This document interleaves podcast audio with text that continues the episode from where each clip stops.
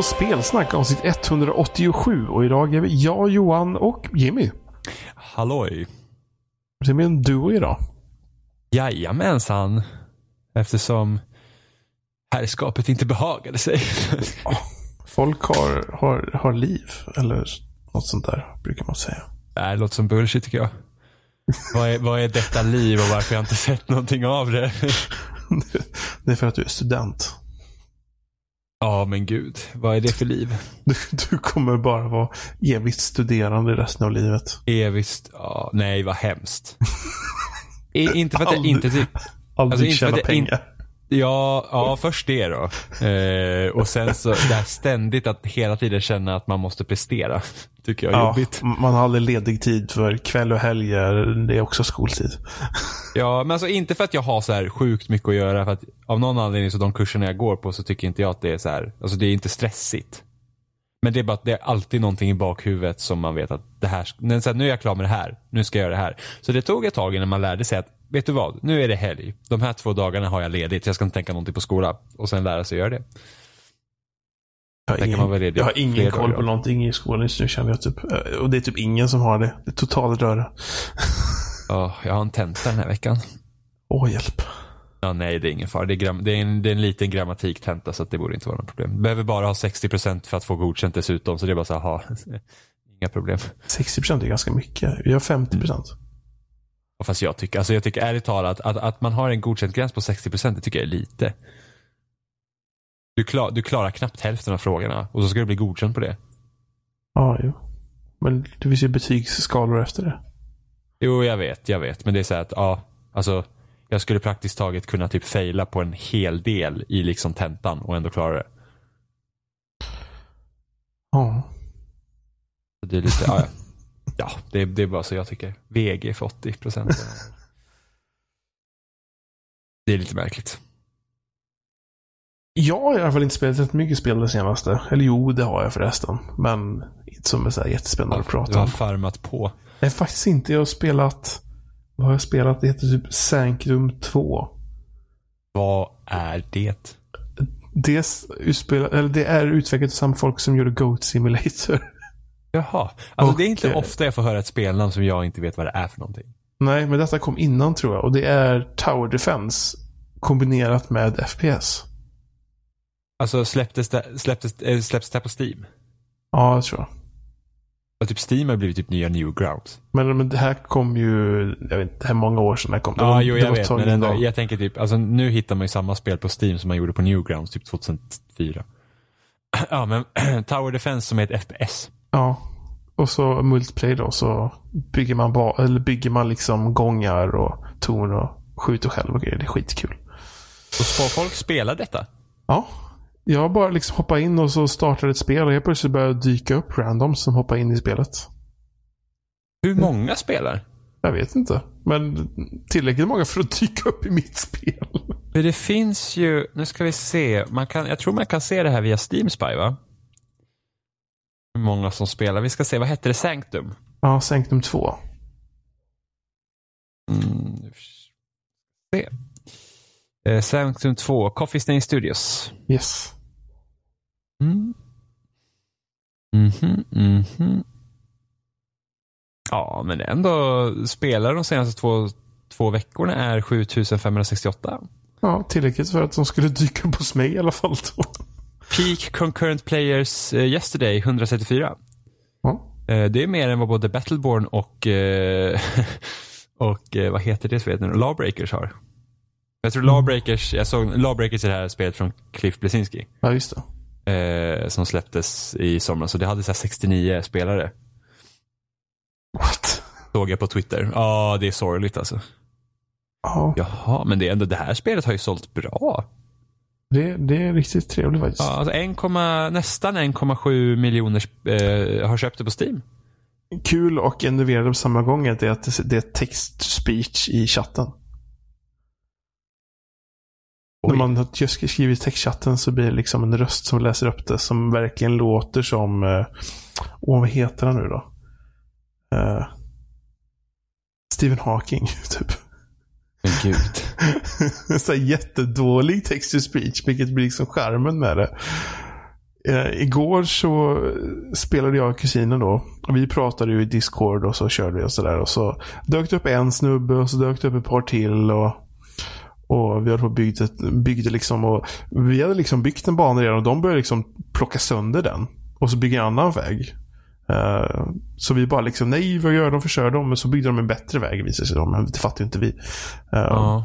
Och så plötsligt började en skriva typ John Madden i chatten om och om igen. Det, det är väl antagligen, det är väl den där som amerikansk fotboll någonting. Ja, som ja, är liksom det, det är Mad- Madden-spelen. Så han bara ja. liksom John Madden. John Madden.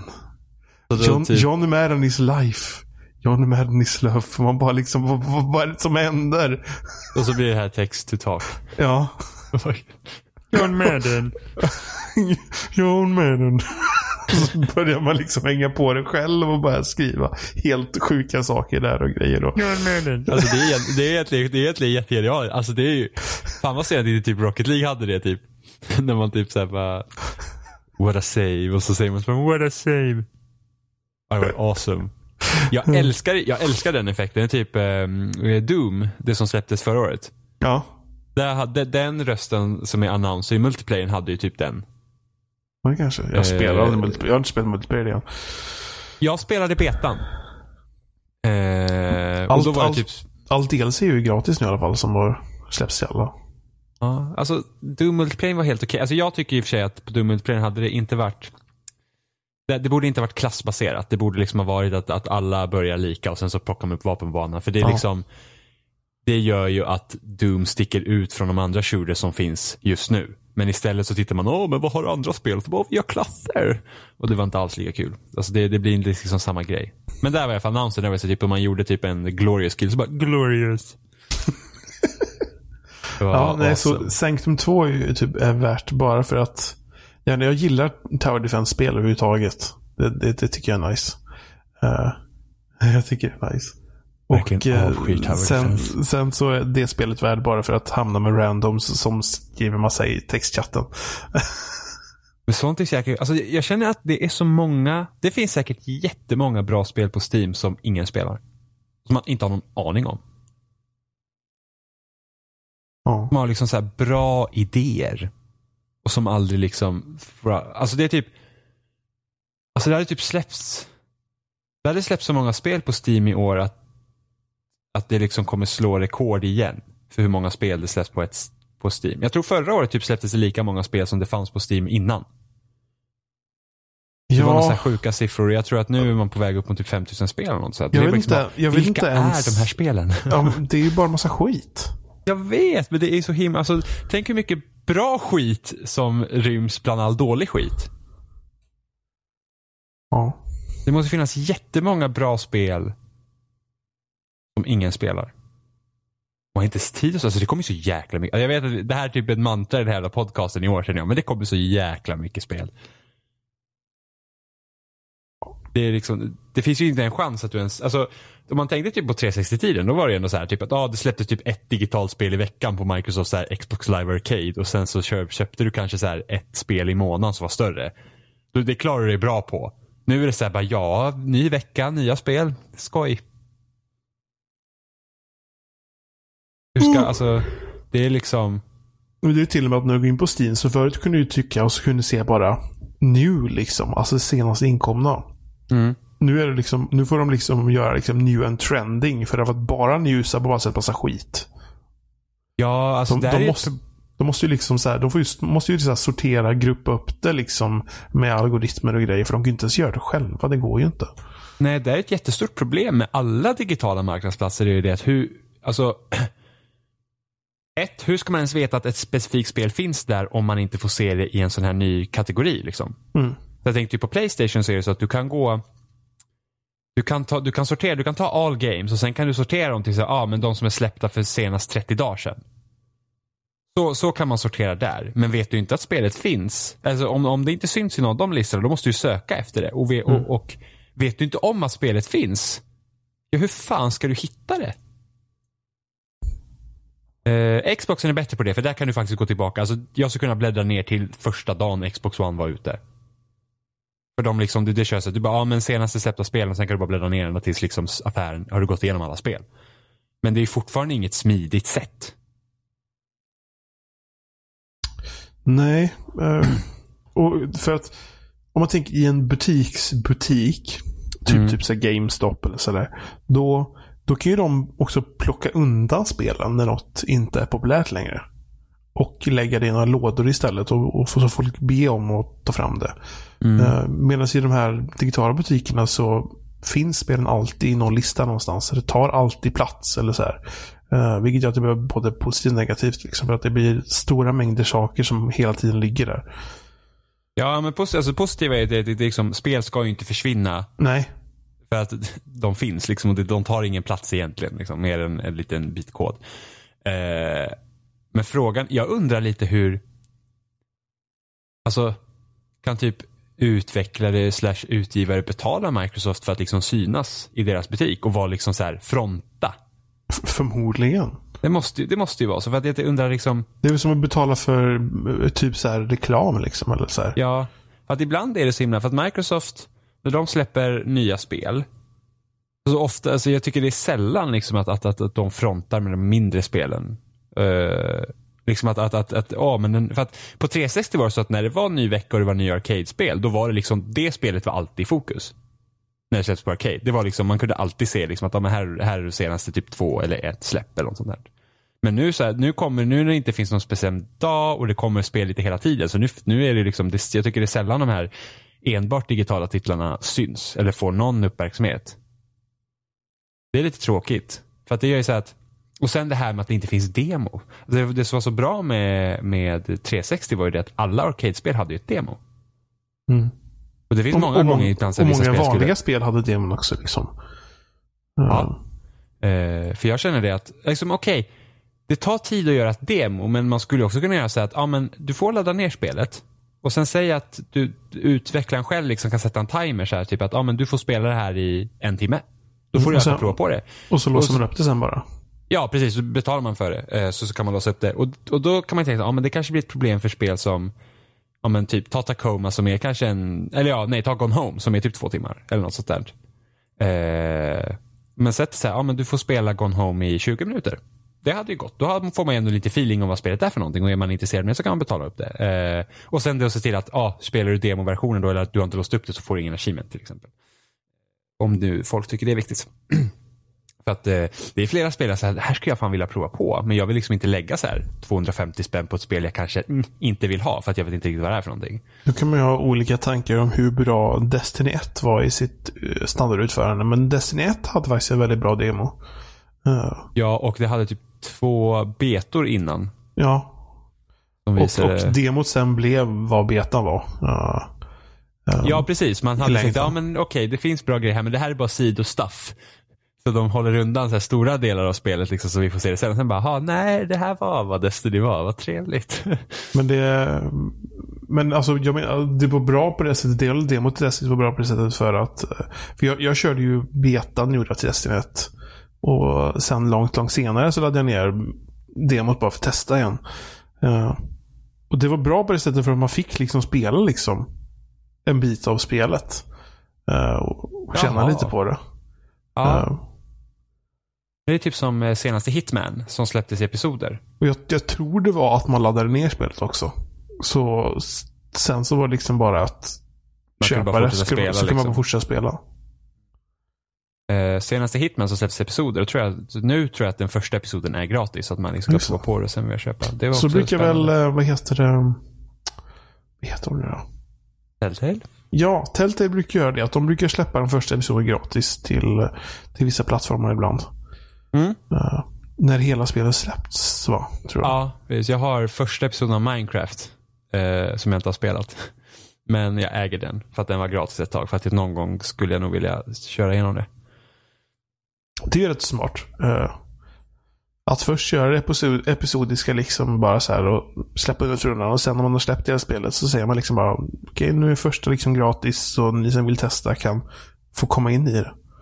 Ja, ja men det, det tycker jag absolut. Det dock så har jag märkt att, du vet, problemet typ så här season passes och sådana grejer. När det tar så lång tid mellan Ja men ta, ta Telltale-spel. Det här, det här hände med Wolf Among Us. Så de släpper Wolf Among Us typ i oktober. När det kom ut. Och då släpper de med, med så här eh, season pass så att man får Mm. liksom hela säsongen då. Om man vill. Eh, Robin köpte ju det season passet på en gång. För att han bara, oh det här gillar jag, jag vill ha alla andra eh, episoder. Jag, som var lite smart, tänkte så att jag köper inte season pass än. för att jag köper det först när episod två kommer. Det här season passet hamnade ju på rea innan episod två kom ut, som kom ut typ i mars. Så att jag köpte ju season pass på rea. Det tycker jag är rätt så fult att göra egentligen. Ja. För att varför, alltså hur kan man ens rea ut ett season pass innan andra episoden ens har släppt när du har kunnat köpa season pass från dag ett? För då är det inte så här att, då är det inte, då kan du heller inte säga liksom att nej men alltså den här personen som köpte season pass på en gång, det var ju liksom bara för att ja, eh, då har han fått spela de andra episoderna tidigare. Du vet, oh vad smart. Utan nej, han har ju fått vänta precis lika länge som mig då. Eh, som inte köpte på en gång. Utan jag gjorde bara en sån här smart grej för att det, det, det kan ju reas ut. För att det finns ju ingen mening med att köpa ett season pass på en gång om inte någonting finns där för det att köpa. Nej. Eh, så jag köpte ju till exempel eh, premium till Battlefield 1 var ju också eh, rea för några veckor sedan. Ja, och nu, nu enda sättet du kan köpa Battlefield 1 nu är ju att köpa den här nya utgåvan som har det med sig. Ja, det är också så fult med så här digitala storefronts. För då bara, ja, men vi tar bort den där billiga utgåvan så nu Ja. sätter vi den dyra utgåvan så kan vi sätta fullpris igen. Det är också lite fult. Eh, nej, nu i och för sig så fanns ju redan ett kartpaket ute till Battlefield 1 när jag köpte premium i och för sig. Eh, men ändå. Och det är samma sak nu för Destiny 2, så att liksom, ah, köpa Season Pass till det. Nej, inte förrän det finns någonting att... Förvisso så finns det typ vissa som köper Season Pass och då kanske du får lite vapen och sådana grejer. Mm. Men ofta är det så här bullshit-grejer ändå som man inte behöver. Och sen så var det ju eh, Doom. Multiplayer-delen av Doom. Eh, Så där släppte de ju allting gratis. Mm. Just där Så- fanns väl ett Season Pass? Så, ja, så folk har liksom Ja. betalat pengar för DLCn där och nu är det gratis för alla. Ja. Fast i och för sig, då har de väl haft, det är väl inte så att de inte släppte någonting och sen bara, äh, vi gör det gratis. Utan de har Nej. faktiskt fått spela på de kartorna. Ja, då är det väl ändå helt... Oh, men ändå. Jo. Men alltså De har jag kan märkt att-. De har märkt att det är få som har köpt det så de behövde göra det för att kunna göra så alla kunde spela det. Jag kan ändå tycka så här att typ Gears War 1 eh, fick också så att alla, alla kartor till Gears War 1 blev gratis när tvåan kom ut. För då är det så att alla som har varit intresserade av att spela multiplayer i ettan, de har liksom kunnat spelat. Ja, men då har du ju Eh, liksom, då är det ju klart liksom. Då, Jo. då är det något nytt igång. Det, ja, för det, det bästa nu med den här generationen är att när det är så jäkla tuff konkurrens eh, mellan alla multiplayer-spel, är det att kartor och sånt oftast är gratis. Eh, för att varför dela upp spelarbasen? Va- varför dela upp spelarbasen i ditt eget spel när du ändå har så svårt att hålla dem till ditt spel från första början? Nej, för att nu, för Battlefield 3 blev ju eh, gratis med Games Gold nu. Igår, typ. Och Med Nej. alla banor då? Eller? eller? Nej, det är bara Vänta. basspelet. Så att du kan, premium är, eh, jag läste någonstans att premium är eh, gratis. Nej, inte gratis. Gud, vad säger jag? Premium är nedsatt till Battlefield 3 så du kan köpa alla kartor för typ 50 spänn. Varför för de ska tjäna pengar för på det ofta- istället då? Eller? Ofta Va? så är det man tänker så här, typ spel som släpps till både PS Plus och Game Gold. Det är så att ja, men vi, vi ger bort basspelet för sen kan de köpa DLC. Eh, men nu är det så att Men de bästa banorna ligger ju på DLC i Battlefield 3. eh, ja, Close Quarters. Precis. Det är skitbra. Eh, ja, så att nu är det ju skitsynd när jag spelar Battlefield 3. Är det att det går inte, för det första det är jättesvårt att hitta matchen och det är väldigt lite som spelar. Eh, men sen är det så att ingen spelar på DLC-kartorna. Alltså där känner jag ändå, när, när ett spel är så gammalt så släpp allt fritt bara. Så att om, om ni ändå ska liksom ha uppe serverfolk som sitter och spelar. För att ett, vem kommer köpa kartor till det här spelet som ingen spelar? Och varför inte låta då de som har köpt spelet och köpt kartorna få lite liv i spelet igen då så att alla kan spela de nya banorna så att faktiskt de som har betalat för det kan spela det igen. För att jag skulle inte ha någonting Ja, emot och då- att kartorna släpps helt gratis så kan liksom jag som har köpt dem spela på dem. Så DICE gör ju Battlefield och Battlefront-spel Mm. hela tiden nu. Ehm, så det, man kan ju tycka att de hade kunnat släppt det här spelet. De slänger med det här spelet. Och att de slänger med um, Season Passet. Och på så sätt locka folk att köpa de nya spelen. Ja. Fan vad kul det är. Jag har glömt att det är så kul att spela Battlefield. Och det ska komma ett nytt om eh, några veckor. Så här, som exempel bara så här. Åh, men då köper jag ju det också. ja, för att nu är det typ att det hade varit skitkul att spela Close Quarters igen. Men för att det är typ det är de bästa domination-banor jag någonsin har spelat liksom i, i typ militärtjurer. Och det Det är Ja, skitbra och ingen spelar banor. Så nu, nu får man sitta och köra de vanliga banorna. Eh, så det är ju det är lite synd. Att det, oh, och vet du vad mer Battlefield 3 hade, Johan? Ett online pass. Kommer du ihåg dem?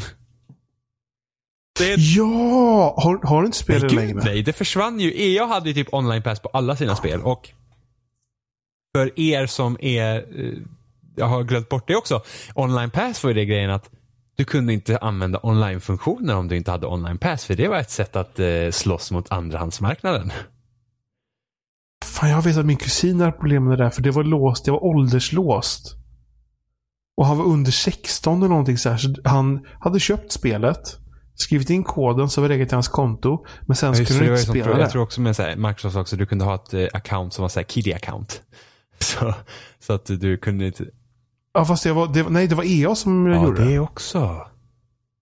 Det var på EAs konto som gjorde att det blev så här. För då kunde han sen inte spela online. Äh, fan vad svinigt. Han kunde ju köpa spelet. Så jag vet, jag vet att jag fick kontakta EA.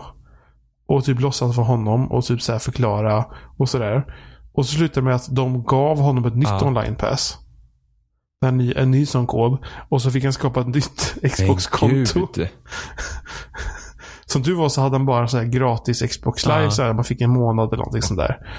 Eh, så sen på hans andra konto då så fick han köpa riktig Xbox live och uh, skrivit in att han var mycket äldre än vad han var då. Men det, det är så sjukt för att, ja men det här med online pass, liksom att, att, att ens folk accepterar det. För det kommer jag ihåg, så här, Need for Speed Hot Pursuit hade det rebooten. Hade också online pass. Du kunde spela online två timmar och sen började du skriva i koden. Alltså hur, hur utgivarna verkligen slogs med näbbar och klor över andrahandsmarknaden när man visste att det problemet försvinner ju när vi går mer och mer digitalt. Vilka pratar om andrahandsmarknaden nu? Ingen. Inte ens Nej. Jag visste, jag, jag trodde seriöst att man fortfarande hade online Nej, gud, nej, det, det försvann ju. EA typ sa, undrar om det var när, in, precis innan John Riccatello eh, avgick som vd då, att han sa liksom att nej men alltså det är inte, det är inte consumer friendly så att vi kommer ta bort dem. Och man bara, nej, no shit. eh, att, att det ens var liksom en, en grej. Men, men det är ju helt sjukt ändå hur, hur, eh, hur, hur jävla Alltså hur, hur, hur arga blickar de liksom vände mot andrahandsmarknaden. Man visste att det, liksom, det problemet kommer lösa sig självt. Ja, för att folk, För att- alltså för ju mer länder som får bättre internet så kommer fler kunna köpa digitalt. Och då gör man det för att det är så jävla mycket mer skönare att kunna bara sitta i soffan och Ja, aldrig gå och därifrån. Typ. 360, alltså 360, det tog ju lång tid innan ens eh, huvudspelen var på eh, det fanns ju, när, när 360 kom och liksom en, en bra bit in på 360s livscykel så, så fanns det ju inget sätt för dig att köpa spelen digitalt. Om de inte var arcade. Det var det att det var så små hårddiskar. Ja, det var tju- 20 gig eller någonting var det första så var Xboxet. det. Jo, jo så, så, så var det ju. Eh, jag tror det var med sen den här, eh, när de släppte Sen kom det 60 gigabyte. Eh, det var min första 360. Tänk, och, tänk också att det, allra första Xboxet hade till och med minneskort Ja, fortfarande. men det kom ju en arcade-variant med typ 2 GB internminnen och sånt där. Jo, men första Xbox hade ju minneskort. Sådana här stora plastkort som man Alltså, kunde trycka in. Första 360? Åh, fan. Ja. Ja, det var en variant med minneskort och en variant med eh, hårddisk va? Ja, Ja. var det det? Jag tror båda kunde ha Jo, jo, hårddisk. precis. Men den ena släpptes med hårddisk och den andra släpptes utan. Ja, så, ja precis. Ja, jo. Eh, Nej, så att, och det var ju det typ, alltså det var ju det, de här policyerna för Xbox One också. Det, det var ju också gjort för att eh, slåss mot andrahandsmarknaden. Som skulle, som liksom inte existerar. Alltså det är ju, ja där. Eh, det är ju knappt så att, nej men alltså det är knappt så att när du går in på en GameSpot idag. Så är det ju, alltså. Ga- GameStop. GameStop, ja precis. Eh, när du går in på en GameStop idag så är det ju mest så här loot. Alltså det är ju liksom t-shirts och sådana grejer som de har. Ju, ja, de, de kommer väl till och med gå, Jag tror de kommer gå över till snart bara vara en... en eh, Ja, och En det är ju skitbra för att det är jättesvårt att få tag sånt. Alltså sådana grejer, eh, alltså Ja. det är verkligen så här, det, det, alltså, och jag skulle våga säga att det är inte svindyrt heller på Nej, GameStop det, med det är, sådana liksom- saker. man får ju tänka att det är liksom normala priser för licensierade produkter. Liksom, och här har du din Precis. eh, 50 kronors t-shirt med Zelda Men det var, på. ju, då- det, var ju ta, det var ju ett tag så att om du ville få tag på sån merch så var du tvungen att beställa från staterna. Det, Typ från Valves egna Ja. butik och sådär. så att det, Nu behöver du inte det längre. Det finns ju ja, överallt. så det, ja, så Och det är GameStop. jättebra. Men liksom att det här, att begagnat handeln var liksom hotet när man liksom sa, men vi kommer alla röra oss mot digitalt liksom. Det är ingen som pratar om, liksom, det är ingen som gråter eh, över begagnathandeln nu. För det var jättemånga så här, typ stora utvecklare också som gick ut och bara, hö, det här är vårt spel har sålt så här mycket men vi ser att på trofélistan har det så här många. Och nu är det så här att, ja men, om ditt spel inte säljer nu, vad ska du skylla på nu då? Finns inget att skylla på längre. Det, bäst, det bästa är ju... Det bästa var ju när man hade Xbox 360 och, eh, och så Xbox Live Arcade. Mm. För att det var ju de första, de, de första digitala spelen Mm. man köpte. Eh, för mig i alla fall. Och man bara, man bara liksom... Nej, eller som man hade skivan i och spelade och spelade och kände bara nej jag orkar inte spela det här längre. Och så startar man typ eh, Ja, det var ju så. Typ, bara, vad ska spela sen? Bara, jag orkar inte byta skiva så att jag kollar vad jag har i. Nej, Och nu jag köper alltså på min Xbox One, nu jag köper bara digitalt. Det är, ju- det är ju så ja, bekvämt. det är jättebekvämt. Och sen ha, alltså speciellt nu när man lever studentlivet då och sen så man vet ju att man kommer behöva flytta x antal gånger. Så bara, jag vill inte ha mer skit. Ja. Eh, Det är nice. Men på tal på digitala spel, någonstans som du varit tvungen att köpa ett digitalt Ja. spel. Eh, Du har spelat. Metroid. Jag hade ju bokat Legacy-utgåvan och var aspepp på min jävla Morphball-nyckelring jag skulle få och sen så fick jag inte den i alla fall.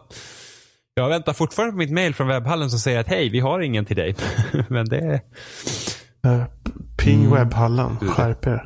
Så att, eh, nej, så jag köpte faktiskt eh, Metroid digitalt på 3DSen. Eh, Mot dina ja, att eftersom Nintendo-principer. Nintendo fortfarande anser att tappar du bort din 3DS då har du också tappat bort alla spel på den för att det är samma sak. det är bara så att, nej, den här digitala koden som faktiskt finns plats i molnet inte skulle kunna knyta till ett konto då. då. Eh, precis, så att jag köpte digitalt då. Eh, och då blev jag så här, åh, tänk att ha digitalt spel med alla mina 3DS. Då började jag titta och säga, åh, Pokémon Sun and Moon har jag inte spelat. Kan man köpa digitalt, du vet. Det, det, det är en farlig väg att vandra, kände jag att det var så enkelt att köpa. Sen billigare också. 419 kronor kostade Metroid på 3DSen. Eh, 449 tog webbhallen. För vanliga utgåvan. Ja, det är så varierande. Och sen är det också så här spel som gone out of print. Liksom typ Animal Crossing till exempel. Det går nästan inte att få tag på kassett längre. Jag tror inte det går att få tag på. Nej, Nintendo, men Nintendo är ju knepiga med det där för att de, de eh, producerar ofta inte så många spel när de släpper. Nej, för de vill ju inte... För de är väldigt noga med att inte producera Ja, och det för tycker, många. jag, det, i och för sig, det tycker jag inte man behöver klaga på. Alltså jag är så här att, well, det, det är väl bättre att det är för lite spel än att det ska finnas ett överflöd av spel och ingen köper dem. Så att man liksom, som hamnar i rusta reakorgen liksom.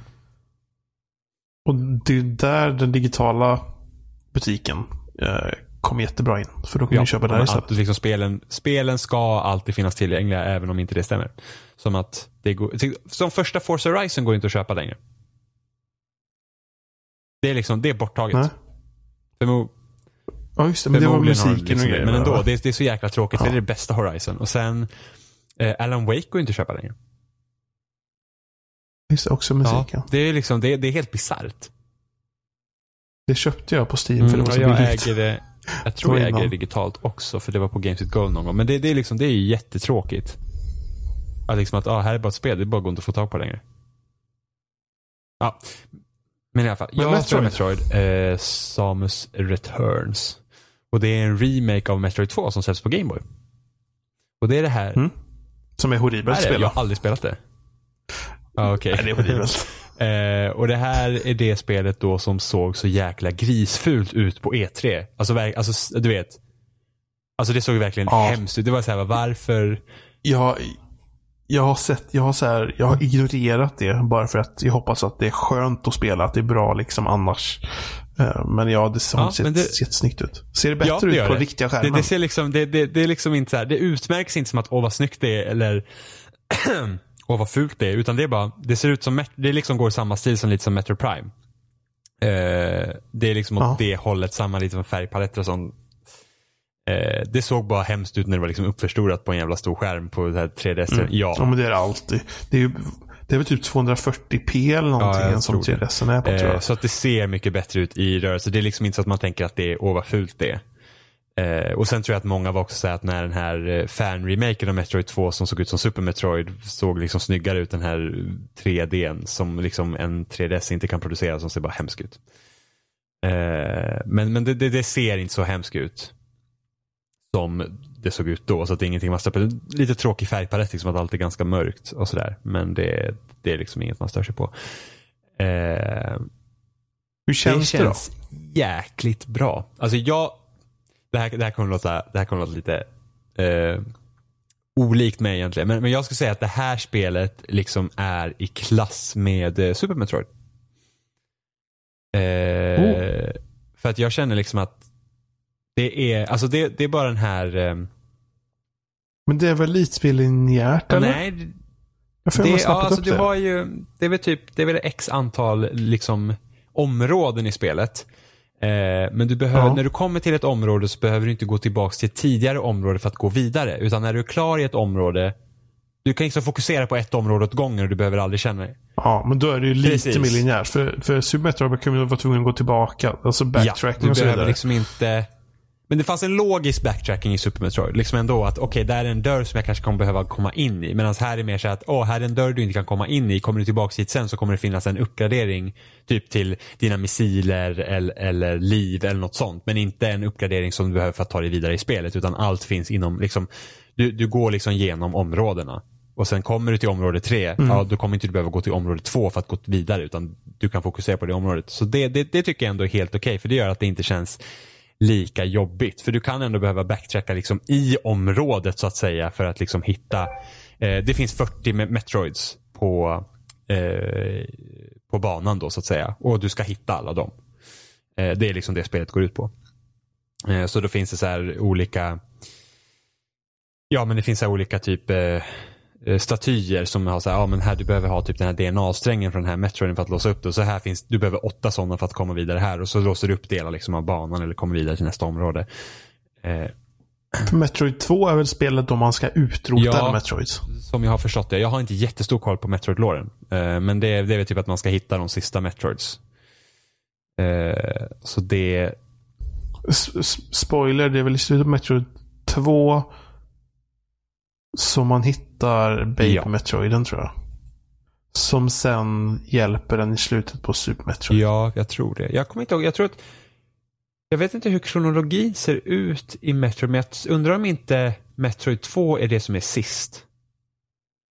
Nej, det är inte. Super Metroid är sist. Nej, Metroid 1, 2, ja, 3 Metroid, är Metroid väl 2 Super efter Metroid. Jag tror Prime, Prime-spelen utspelar sig det, innan det är ettan. Prime som är innan. Eller om det är mellan tvåan Ja. och Super Metroid. Jag kommer inte ihåg exakt. Eh, ja, Nintendo så konstigt med sin kronolo- kronologi. Som Zelda Ja, 1, ja. Zelda 2 och sen... Eller, eller bara skit i att det ska vara en kronologisk. Alltså jag, okej, jag förstår mer i Super Metroid. För det är samma karaktär.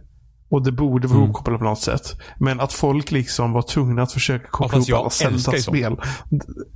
Jag tycker det är Ja, skitintressant. jo, alltså det, jo, det är liksom, även om det inte finns någon koppling. hittar fans, alltså det är typ så här folk försöker koppla ihop Pixars filmer. Eller Disney-filmer överlag. Ja, det jag tycker det är asroligt. Jag var såhär, åh, tell me more. Så här, så, Typ att tjejen i, tjejen i Monsters Inc är typ så gamla tanten i Brave och grejer. Och så ja, helt och liksom bara hur varje ny film så bara spelar de på liksom här. Så bara, ja men någonstans i, någonstans utrotade mänskligheten och sen blir djuren intelligenta och grejer. Ja, det, det är fantastiskt. Jag älskar sånt. Även om det inte stämmer. Eh, men, eh, nej men Hur, hur känns typ så free aim Alltså, och jag tycker det, alltså 3DSen har ju sina eh, begränsningar om man säger så. Alltså, jag, jag, jag hatar circlepaden. Jag tycker att det är en, ett hemskt substitut för Mm. eh, en, en, en styrspak. Eh, jag gillar inte alls, för det, det, man får liksom inte riktigt samma eh, känsla som en spak. Men det funkar bra och jag Mm. tycker att gameplayet flyter på väldigt fint just med tanke på att du kan eh, free-aima. Liksom. Du håller in Eh, vad blir det, L på, på eh, din 3DS och sen så kan du, då siktar du med circuitpaden. Eh, det hade varit mycket skönare om du faktiskt hade haft två stickor och kunde frigema hela tiden. För att det blir ju så att när du håller in L då står också Samus still. Då kan du inte röra dig för då rör du siktet. Eh, men det, det, liksom, det känns väldigt bra och det, ger- det ger liksom en, en, en eh, du liksom kan, det, det är ett flyt i striderna som kunde ha saknats här. Som jag kände när jag spelade Super Metroid på eh, Wii U till exempel. Så var det så att, ja men lite styltigt var det ibland. Liksom, just för att du har liksom bara de här olika eh, riktningarna så du kan styra med. Medan här så har du ju faktiskt ska snurra runt hela eh, på en gång. Eh, och sen så finns den här funktionen också att du kan eh, dodga, eller ja, du har den här melee-knappen så att det gör att när, när en fiende chargear mot dig så Mm. kan du slå till den och sen så typ får du en liten cool sekvens och så kan du göra massa skada på den. Eh, som, nästan som ett quick time event. Eh, så du får tajma. Och den funktionen vet jag att många var lite så här oroliga över innan eh, spelet släpptes för att det kanske gör striderna för lätta. Och jag känner att den funktionen är jävligt användbar och jävligt cool. Eh, och det gör också att man får planera striden liksom att ah, men nu kommer den här fienden och chargear mot mig och så får jag liksom försöka göra den här eh, grejen så att jag kan ta ut den snabbt. Är det fler fiender så kanske man inte, då kanske det är bättre att fly för att du kan inte göra liksom två gånger snabbt. Eh, och du kan göra den på så att om två fiender chargear typ samtidigt så du kan träffa båda två i en. Men liksom kommer de oregelbundet så att säga så att du, liksom, du, du attackerar en då kommer den andra hinna attackera dig. Så att då lämnas du öppen för attack. Eh, så att jag tycker att det funkar jävligt bra. och Det ger liksom en lite mer Alltså det liksom ger bara en till grej man får göra när man liksom springer på fiender istället för att bara springa fram och tillbaka. Eh, dock så till slut så blir det lite så att ja, det är nästan det enda striderna handlar om sen. Att liksom att ah, jag ska bara vänta så att jag får in den här um, den här uh, slaget då så att jag kan döda den här fienden snabbt. Eh, så liksom det är nästan så att den den, den funktionen kan ta lite ifrån hur striderna kunde vara annars. Eh, för att det, det, handlar lite väl mycket om att tajma in de där grejerna. Sen så finns det såklart fiender du inte kommer typ sådana här eh, sentries och lite sådana grejer som du inte har möjlighet att kunna göra den attacken på. Och sen i slutet mot spelet så kommer typ en vanlig fiende, så typ någon fladdermusliknande grej eh, som är el. Som har liksom en elboll runt omkring sig när den kör mot dig och den kan du inte till exempel eh, göra den attacken mot på för då blir du elad. Eh, men annars så, alltså det, det är liksom den här klassiska grejen som jag stör mig vanligtvis på med Metroid är ju det att fiender eh, spanar hela tiden tillbaka när du liksom går mellan rum och sånt. Vilket blir jäkligt Mm. jobbigt när du ska om man till exempel, ja, jag ska in hit så bara fan nej här kunde jag inte komma vidare och få gå runt här och så bara ja men de här fienderna jag nyss tog ut de har spanat tillbaka igen. Eh, och det blir lite långtradigt sen när man är på så här timme åtta så här i spelet och bara så ja men här har jag varit tidigare liksom. Eh, för av den anledningen så orkar inte jag liksom hålla på och jaga 100% i items och sånt för att jag är så här, jag orkar inte med de här striderna hela tiden. Jag vill liksom bara, jag vill bara kunna ta, mig, ta det lugnt och, och vidare.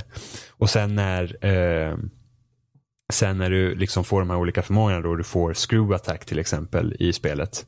Eh, det är när man hoppar och sen så kan du får ett hopp så att du kan hoppa flera gånger i luften.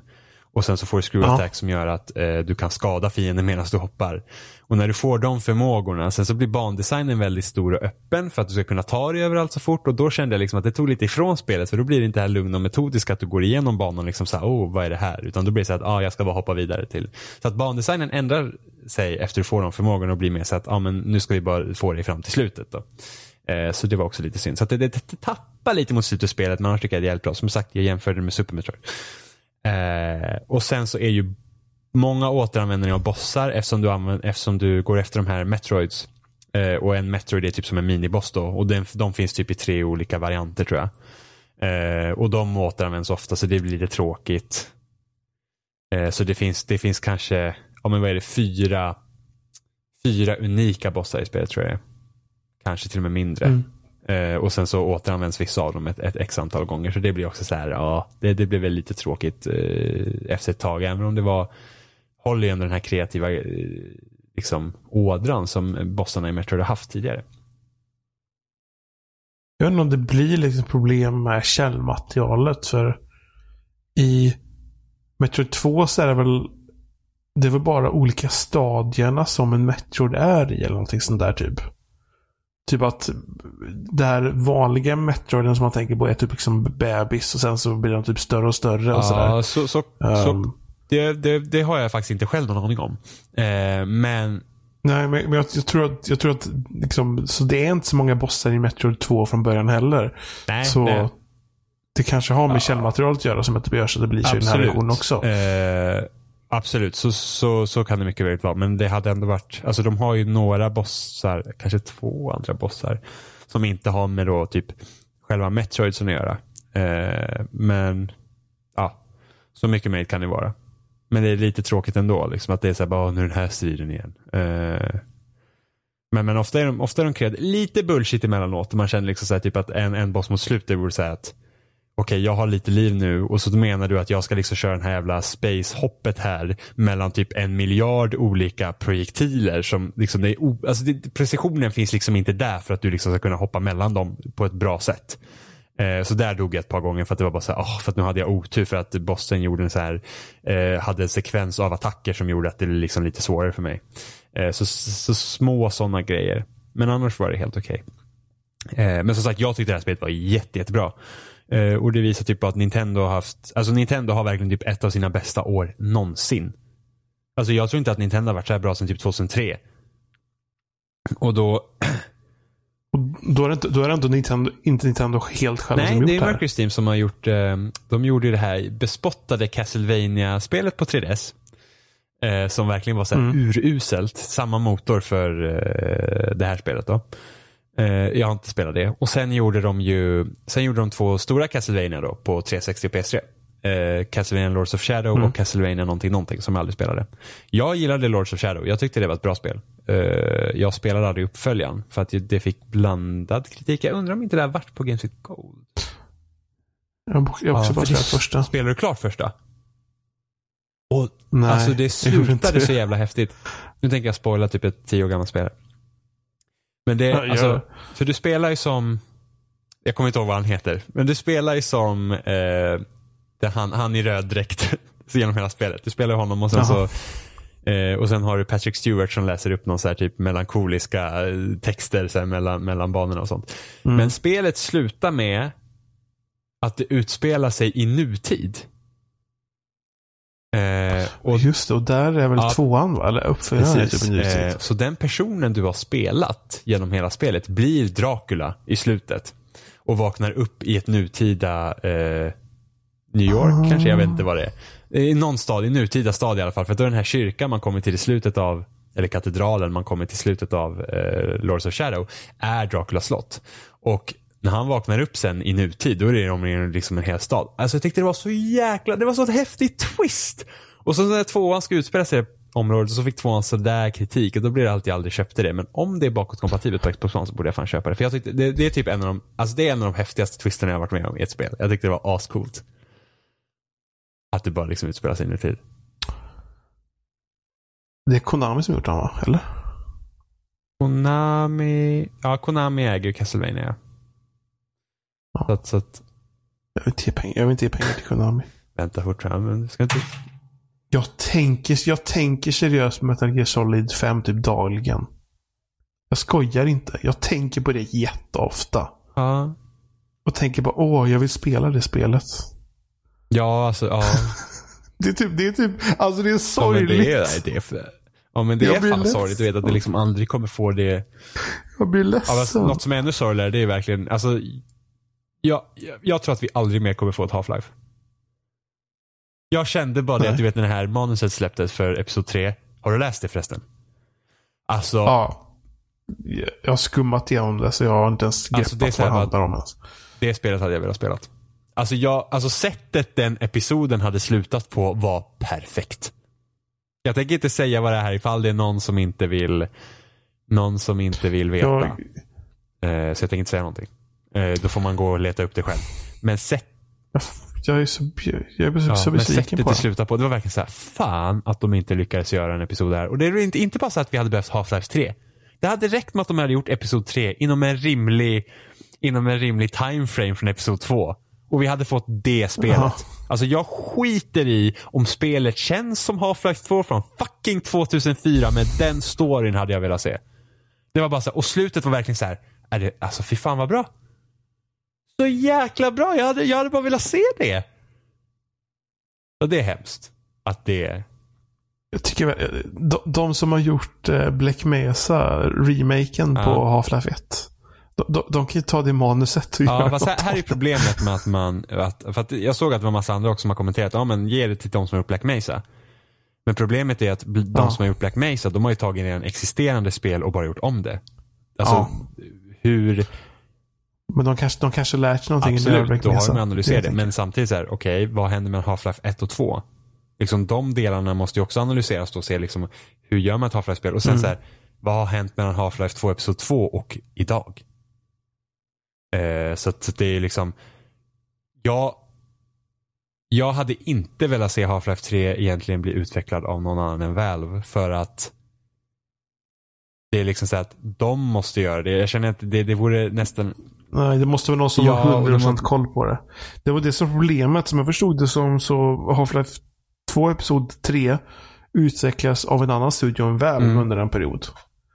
Eh, som sen Ja, men jag tror de har ju, de har ju scrappat det Så- många gånger tror jag. jag betalt på Black Mesa så kommer det bli klart i då år. ska jag spela för jag har inte spelat Half-Life 1. Så Xen ska komma i år. Alltså den här Mm. mm. rymdgrejen. Eh, Eller, eh, någon gång i år ska det komma i alla fall. Eh, december har Då han ska jag koppla planerat upp tror min jag. dator till tvn. Ja. Och så ska jag koppla in en Xbox One-kontroll i min dator och så ska jag spela det. Det stödjer Xbox-kontrollen så det är Så bra. det, det, det ska bli kul. Och sen Så- får, Jag, jag, jag spelade modden när den kom. Och sen har de ju släppt det på Steam så Mm. man kan köpa det. Eh, och förbättrat det flera gånger Ja. om. Eh, så när, det när det släpps 100% färdigt med Xen och hela spelet, då kommer jag nog Mm. det köpa ska jag också göra. Eh, och sen får, får jag då får jag köpa Orange Box till digitalt till Xbox One. Då ska jag dra igenom Half- Egentligen hade jag kunnat koppla upp. Jag, har, jag tror jag har Half-Life 2 på Steam också för att det var gratis någon gång. Skulle egentligen kunna koppla upp det så också och spela. Och så kunna, Och också Xbox Ja. 360-stöd. ja, Eller då ska jag Xbox- också kunna liksom bara koppla upp det lite och köra liksom i full HD. Och... Jag skulle kunna köra, jag fan, Ja, jag har ju fan det borde 4K du TV. göra. Jag skulle säkert kunna dra upp det till 4K. Ja, det borde det du kunna borde, med ja, det borde jag fan kunna göra. Half-Life 2. Måste jag kunna göra. Det är så gammalt nu. Ja. Ja, det borde du kunna Eh, så, Du behöver bara, behöver bara nå 60 Precis. FPS, så det är lugnt. precis, så det borde nog gå. Eh, men Metroid är bra, Johan. Det, för jag känner att det, den typen av här Metroidvania-spel är ju inte jätteovanligt ändå att, att folk försöker sig på. Nej, det, det har blivit att det har kommit... Vad heter Axiom det? Verge, Axiom ja. Verge? Ett Nej. spel jag inte var jätteförtjust i. Va- Men det var ett av de Yes. som har försökt. Eh, och Axiom, mycket jag tyckte var problem med Axiom Verge, för där var just den att du behövde ju, alltså det var verkligen så att nu sitter jag fast. Nu ska jag gå överallt på hela kartan för att hitta något ställe jag inte gått in på. Det blev liksom, det blev, alltså det blev, nu hittar jag inte ordet, eh, irriterande kan vi säga. Det blev irriterande att liksom behöva, varenda gång man satt lite fast, då var det så här, nu måste jag gå igenom för att det kan hända att det finns någonstans här jag måste komma in. Eh, och därför gillar jag också det här mer linjärt Metroid 2 var. För det var inte liksom att jag behöver inte gå tillbaks. Jag behöver inte kolla överallt om jag inte kommer vidare. Jag behöver liksom inte gå tillbaks area 1 och få och liksom inte ha någon form av aning om vilket rum som kan vara det rätta. Eh, utan det var liksom att allt jag behöver finns på det här området och backtracka det lilla området var ju liksom, det går an. Men liksom att tänk när man är på area 6 och sen bara, ja, men du kanske behöver någonting i area 2. Hur ska jag ens veta att det är där? Eh, det är ju något som jag tror att i, i eh, när du gör den här typen av spel i 3D, som Metro Prime och Metro Prime 4 när det kommer. Då är det lättare för då, då om du har ett mer liksom tyngre narrativ så att säga, att det finns liksom mer text i spelet för att det är i, i det här Metroid Summers Return så då är det liksom det är lite text. Men det är liksom inte som att ah, nu, alltså allt berättas bara genom bilder eller små cutscenes men det är ingen, ingen uttalande ord och det är oftast ingen text heller. Så att eh, hur ska du liksom veta vart ett vapen är om det är någonstans där du inte har någon aning om. Det är samma sak med Super Metroid. Där var det också ibland så att okej, nu kommer jag inte vidare. Nu måste jag gå tillbaka någon annanstans och titta. Och så får vi hoppas att det är rätt. Och det blir liksom jobbigt i längden. Eh, men jag tänker att eh, som i ett Metro Prime då, då, då fungerar det liksom att man har liksom att ah, shit, nu kommer du inte vidare här, men du behöver den här artefakten. Och kommer du ihåg att vi kanske såg det här borta? Och då, då kan man ju liksom hitta mer logik i hur du ska backtracka. För att det är inte kul att backtracka i blindo. Eh, och jag undrar, och det, det skönaste med det här är att det känns verkligen som att fan att Nintendo har suttit så jävla länge på ett jävla Metroid-spel. Det är liksom, det är fan bra och ingen gör sådana här spel. Alltså Nintendo gör bra grejer. Alltså, Nintendo gör bra skit alltså Johan. Se ifall det här är det sista rycket i 3DS då. Alltså jag tror att 3DS har mycket längre livslängd än vad vi tror. Det finns ju så många konsoler där ute. Så det, finns, det finns ju väldigt många att sälja Det jag inte spel förstår till. dock, varför kunde de inte... Alltså, nu kanske det är krångligare att porta spe- 3DS-spelen till Switch än, än, än, än vad man kanske tror. Men det hade, alltså varför inte släpp, varför inte göra nu liksom så att man släpper både en Switch-version? För att jag hade inte haft några problem att köpa det här spelet på Switch och inte egentligen ha det grafiskt bättre. Det hade jag inte haft några problem med. Släpp det som en digital nedladdning. Det kanske inte 440 spänn då, utan släpp det kanske för 350-300 spänn. Då. Som en digital nedladdning till Switch. Eh, och då kan det se ut som det gör. Det behöver liksom, alltså, jag hade inte behövt ha att det skulle se snyggare ut Alltså, så. De hade förmodligen kunnat bumpat upp upplösningen i alla fall. Ja. Eh, för det är inte för att liksom så att fixa någon line som är så här Switch 3DS slash liksom så att, så att folk också är medvetna om att när de köper ett, ett 3DS-spel då på sin Switch att det inte ska liksom vara grafiskt som typ Zelda eller Mario. Utan att det är liksom, det här är liksom en, en simpel, typ där, om man gör en line så här Switch slash 3DS eller något sånt där. eh, det hade, alltså, Typ som vita PS4. ja, ja,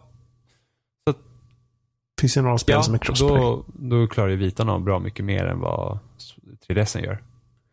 Eh, men för att, så att jag hade, jag hade ju hellre, alltså jag har ingenting emot 3DSen men jag hade ju hellre spelat på Switch för jag känner mig liksom att, att ta upp sin 3DS även om jag knappt använt min New 3DS nu så, så um, hade det varit eh, skönt att spela på Switchen också. Så där hade jag inte behövt hålla på med Circle-paden. Jag hade kunnat spela med en annan. Eh, men jag undrar vad det här innebär. Alltså jag undrar vad för jag känner så att när Metro Prime 4 kommer nu. Det lär ju vara mer som Metro Prime 1, 2, 3. Helst ettan då. Att, att du, får vara på en planet och inte att du har flera planeter som i trean. Mm. För att, ja, jag vill, äh, Det var bara jobbigt. Ja, alltså det, Jag hade ingenting emot trean men jag känner verkligen det här med att man är på en planet och får verkligen utforska den i grunden. Det, det, det gör verkligen Metroid bra. Det var någonting med när det var på det sättet som liksom avtände mig. Som gör att det blev för mycket på något sätt. Det är liksom ett steg för mycket att förstå och hålla koll på. Fast, på fast något det var sätt. mer linjärt än tidigare så jag Mm. kände jag satt aldrig fast i trean som jag gjorde tvåan. Ja, fast jag vet inte. Det, det var någonting som bara liksom, det här är, jag vet inte. ja, jag gillade trean. Eh, Ett, ett ställe, ja, jag, jag, jag säger inte att trean är jobbigt eller dumt Visst eller dåligt eller så här, men det var någonting där som gjorde det mer Ja, problematiskt. jag klarar aldrig ut tvåan. Ettan har jag klarat ut. Och trean. Ettan och tvåan har jag klarat på GameCube. Jag klarade det. Och då ska man, eh, man ska slå sig på bröstet om man klarat den, den europeiska eller japanska versionen på GameCube för den är svårare Åh, än den amerikanska. Eh, jag, jag klarade Metro Prime 1 genom att koppla in mitt Wii.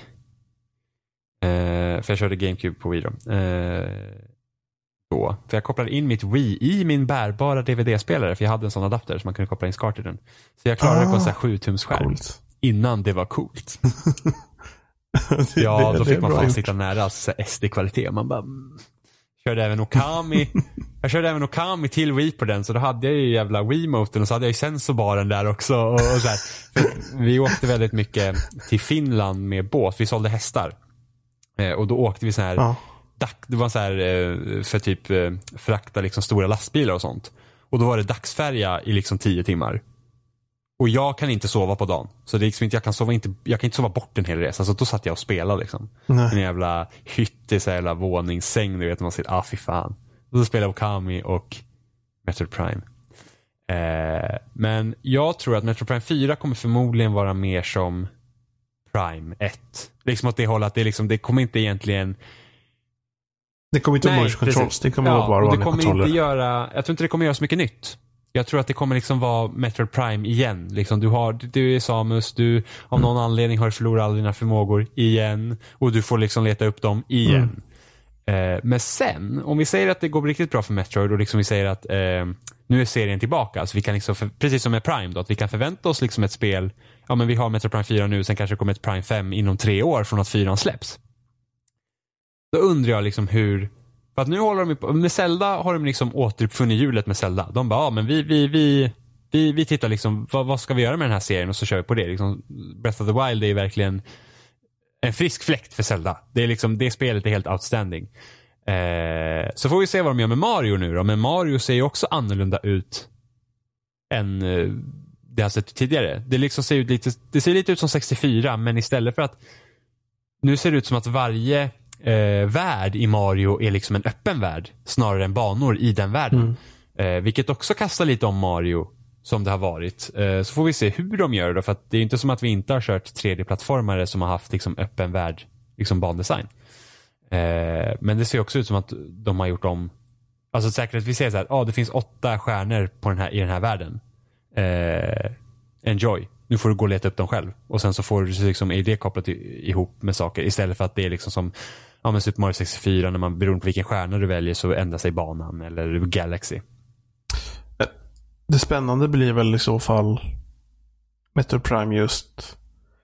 För om det, om det är Retro Studios Vilket som gör det. det är det inte. På samma gång. Nej, det var är inte det va? Retro Studios Alltså. arbetar inte med Prime. Det är någon intern studio inom eh, Nintendo. För mig. Det är det som är konstigt också. För att det var liksom Retro Studios bebis. Jo, Och nu är det några andra som arbetar med ja. det. eh, det. Det ska bli spännande att se ja, vad det blir. Precis. Och så är det intressant att se om Prime 5 då kan liksom vara så här att okej, hur gör vi om Metro nu? För att liksom egentligen den grunden som Prime la, den är inte jätteovanlig. Så hur, hur gör man om den? Eh, och liksom hur kastar man om den? Vad kan de göra för nya grejer? Det är jag intresserad av. Eh, jag såg en ganska rolig spekulation från någon från NeoGaf. var så här, bara, åh, tänk om Bethesda eh, utvecklar Metroid när de har så himla bra eh, relation till Nintendo nu när Wolfenstein och Doom kommer till Switch. What Mm. the fuck? Alltså visst, Wolfenstein kommer nästa år. Nej. Så det kommer inte på release. Men det kommer inom en, någon sorts releaseområde. Till Ja, Switch. det, det, och Doom liksom. Det känns, det What känns, det the känns liksom fuck? bisarrt. Och det gör mig ändå glad för att då finns det liksom Alltså det känns som att Nintendo är på rätt spår. Jag känner inte så här Ja, positivt för Nintendo sen, ja, men sen Wii lanserades. Jag var jävligt pepp på Wii. Eh, ja, och jag gillade Wii ett tag men sen kände jag att det räcker. Alltså Wii höll också på att döda hela mitt spelintresse. Att jag var så här att det finns inte tillräckligt mycket spel för mig som jag är liksom intresserad av. Och speciellt då, jag prenumererar på både Superplay och Level vid den här tidpunkten. Eh, och de tidningarna skrev ju knappt någonting om Nintendo. Och Nintendo var i princip det enda jag var intresserad av i spelväg. Så att det fanns ju ingenting, det fanns ingenting för mig liksom att läsa om för det fanns ingenting att läsa om Nintendo. Eh, jag hade ingenting att spela direkt på Nintendo. Alltså jag hade så lite att spela på min Wii. Så att jag köpte Force Unleashed till Wii. Och jag köpte Worms, något Worms-spel till Wii. För att det fanns ingenting annat och jag ville spela någonting. Eh, då köpte jag sen min 360 2008. Eh, men det var liksom innan dess. Alltså jag, jag spelade Mario Kart och Smash. Liksom. Det var typ det. Vad var det jag skulle säga nu? Nej men jo, jag är bara glad över att de Alltså det, det känns verkligen på rätt spår och, och med Wii U kände jag liksom att när de fick typ Batman Arkham City och sådana här grejer Då kändes det verkligen så att Men varför vill man, alltså Mass Effect 3 Varför skulle du vilja spela de här spelen på Wii U? De här spelen är ju gamla. Det var så Ja, men långt inte bara efter. det. De, det gav ju egentligen ingenting nytt till de, de spelen. Det var liksom att, ha, har, liksom, om du är intresserad av de här spelen, då har du förmodligen spelat dem redan. Och du köper ingen Wii U för att spela Mass Effect 3, sista delen i en trilogi. Det switchen har till fördel, som gör att det inte känns lika konstigt, som, som Skyrim till exempel. Skyrim kommer till Switch. Den är bärbar. Det är liksom den Ja. aspekten de har som, som, som liksom puttar dem över kanten här. Eller liksom att liksom, Ah, liksom att någon som har spelat Doom på, på PS4 eller Xbox One eller PC känner så här, fan, jag har en switch. Jag gillar Doom. Jag ska kunna spela Doom igen. Bärbart. Jag ska kunna ha Doom med mig överallt vart jag går. Eh, liksom, bara den grejen, eller Skyrim. Liksom, folk köper Skyrim igen för att ha det bärbart på Switch. För att, ja ah, men Skyrim bärbart, det kan jag. Så de har liksom den aspekten som gör att, det, det gör liksom hela skillnaden. För varför det är mer okej att släppa de här spelen på Switch. Det har inte kommit ett Doom som är ett eget Doom, ett ensamt Doom sedan 1964. S- Som med Doom 64 då. Sen så kom det jag tror de släppte Doom 1 och 2 eller bara Doom 1 till Game Boy Advance. Och Doom 1 till Game Boy Advance. Hur gick Ja. det att spela? Ja, Det gick nog antagligen helt okej. Jag har för mig att ha spelat det. Fast har man inte typ gjort Doom på så här miniräknare? Nu ska jag säga, nu, nu gick jag ju femman när jag Då spelade gick tror det jag. mesta. Ja, precis. Ehm. så, det har, så, ja, det roligaste är då att det senaste Doom som kom till Nintendo-konsol var bärbart det också. som i sin tur var ett spel från 90-talet. Fast det, det finns väl de som har typ gjort Doom på miniräknare va? Ja, det är väl lite sån här eh, grej som att folk gör det så det funkar på allt. Att folk gör det så det går att köra i en bil. Jag... Har någon gjort Doom i Minecraft än? Alltså, inte. jag kommer aldrig förstå hur folk, alltså någon hade gjort typ hela Pokémon röd, eller Pokémon gul i Minecraft. Jag fattar inte. Jag What? fattar, alltså det är bara så här, hur? Hur? Hur är det ens möjligt? Men Ja, alltså jag förstår, alltså jag kan människor. inte förstå hur man kan göra det ens. Och det är med Redstone och allt det här, så det, det är liksom bara, vilken fantastisk grej. Jag kan ju aldrig liksom tro att Marcus Persson någonsin tänkte liksom att, ja ah, men när jag programmerar in det här Redstone, då ska man kunna göra det här och det här. Det är helt sinnessjukt. Alltså det, ju mer jag tänker på Ja. det, ju mer mindblown blir jag över att någon har gjort Pokémon i Minecraft. Så bara, hur, alltså, va? Hur är det möjligt? Det är sjukt.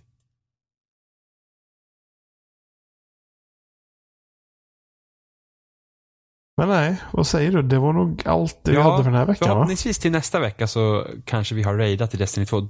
När släpps Destiny 2 på PC? Oktober? trodde fan det var nästa. Förhoppningsvis efter jag haft tentor. Ja, jag trodde det var nästa vecka. Ja, eh, men förhoppningsvis har vi raidat till nästa vecka så vi kan prata med. Jag har spelat mer Destiny 2 i alla fall eh, och jag tycker fortfarande att det är bra. Jag har hamnat nu i endgame slug vilket betyder att jag måste grinda en massa och det är inte lika kul. men, eh, men förhoppningsvis har vi raidat till nästa vecka. Vi kan prata om det.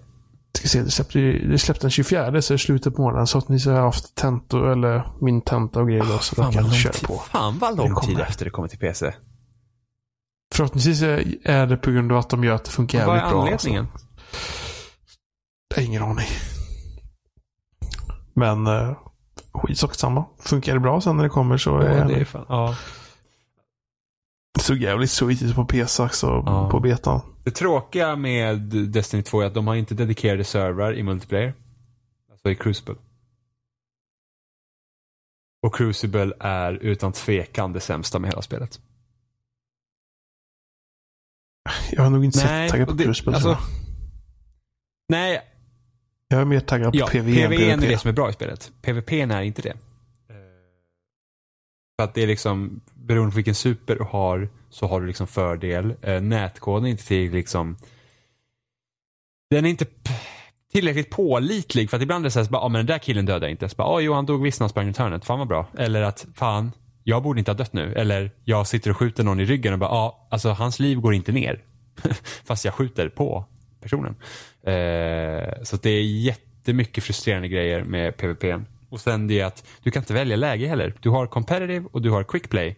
Och de har så olika lägen men du kan inte liksom välja exakt vilket läge du vill köra. Och det är bara ett läge som är kul. Och det är domination. Heter kontroll i Destiny. Man tar över tre flaggor. Det är det enda som är roligt för att annars går det mest ut, PVP går mest ut på att, för att du syns ju på radarn hela tiden. Det syns liksom vilket håll du kommer ifrån. Så att typ kör du Clash, som är Team Deathmatch, och laget som leder, de behöver inte röra på sig. Och de kan liksom stå så här och bara hålla koll. Liksom, att ah, men nu kommer den här. Så, så att mycket av Destiny PVP går ut på att ah, jag ser en röd, röd markering där framme. Det betyder att vi är nära varandra. Och sen står man bara och väntar på att någon tar första steget ut. Oftast är det jag för att jag har inget tålamod och så dör man.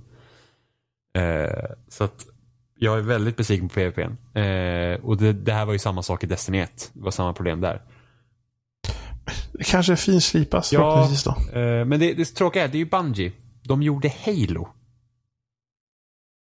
Det är ju det som är så Ja. synd. Men PVE är jättekul. Alltså jag har haft jättekul med Destiny 2. Jag, jag kan inte tro att jag säger det, men jag har haft riktigt, riktigt kul med Destiny 2. Jag tycker det är jätteroligt. Eh, så att jag är till och med så här typ att, oh, jag ser fan fram emot så här att, oh, hoppas expansionen är bra. Och sen, nu ska jag få raida för första gången. Det gjorde jag aldrig i Destiny 1. Eh, och liksom se vad det är. Så att, så det ska bli kul att se och sen hur de håller igång spelet efter det. För att det liksom just nu är det så att ja, men varje vecka så kommer nya challenges så man kan liksom få mer powerful gear så kan man förbättra sin gear.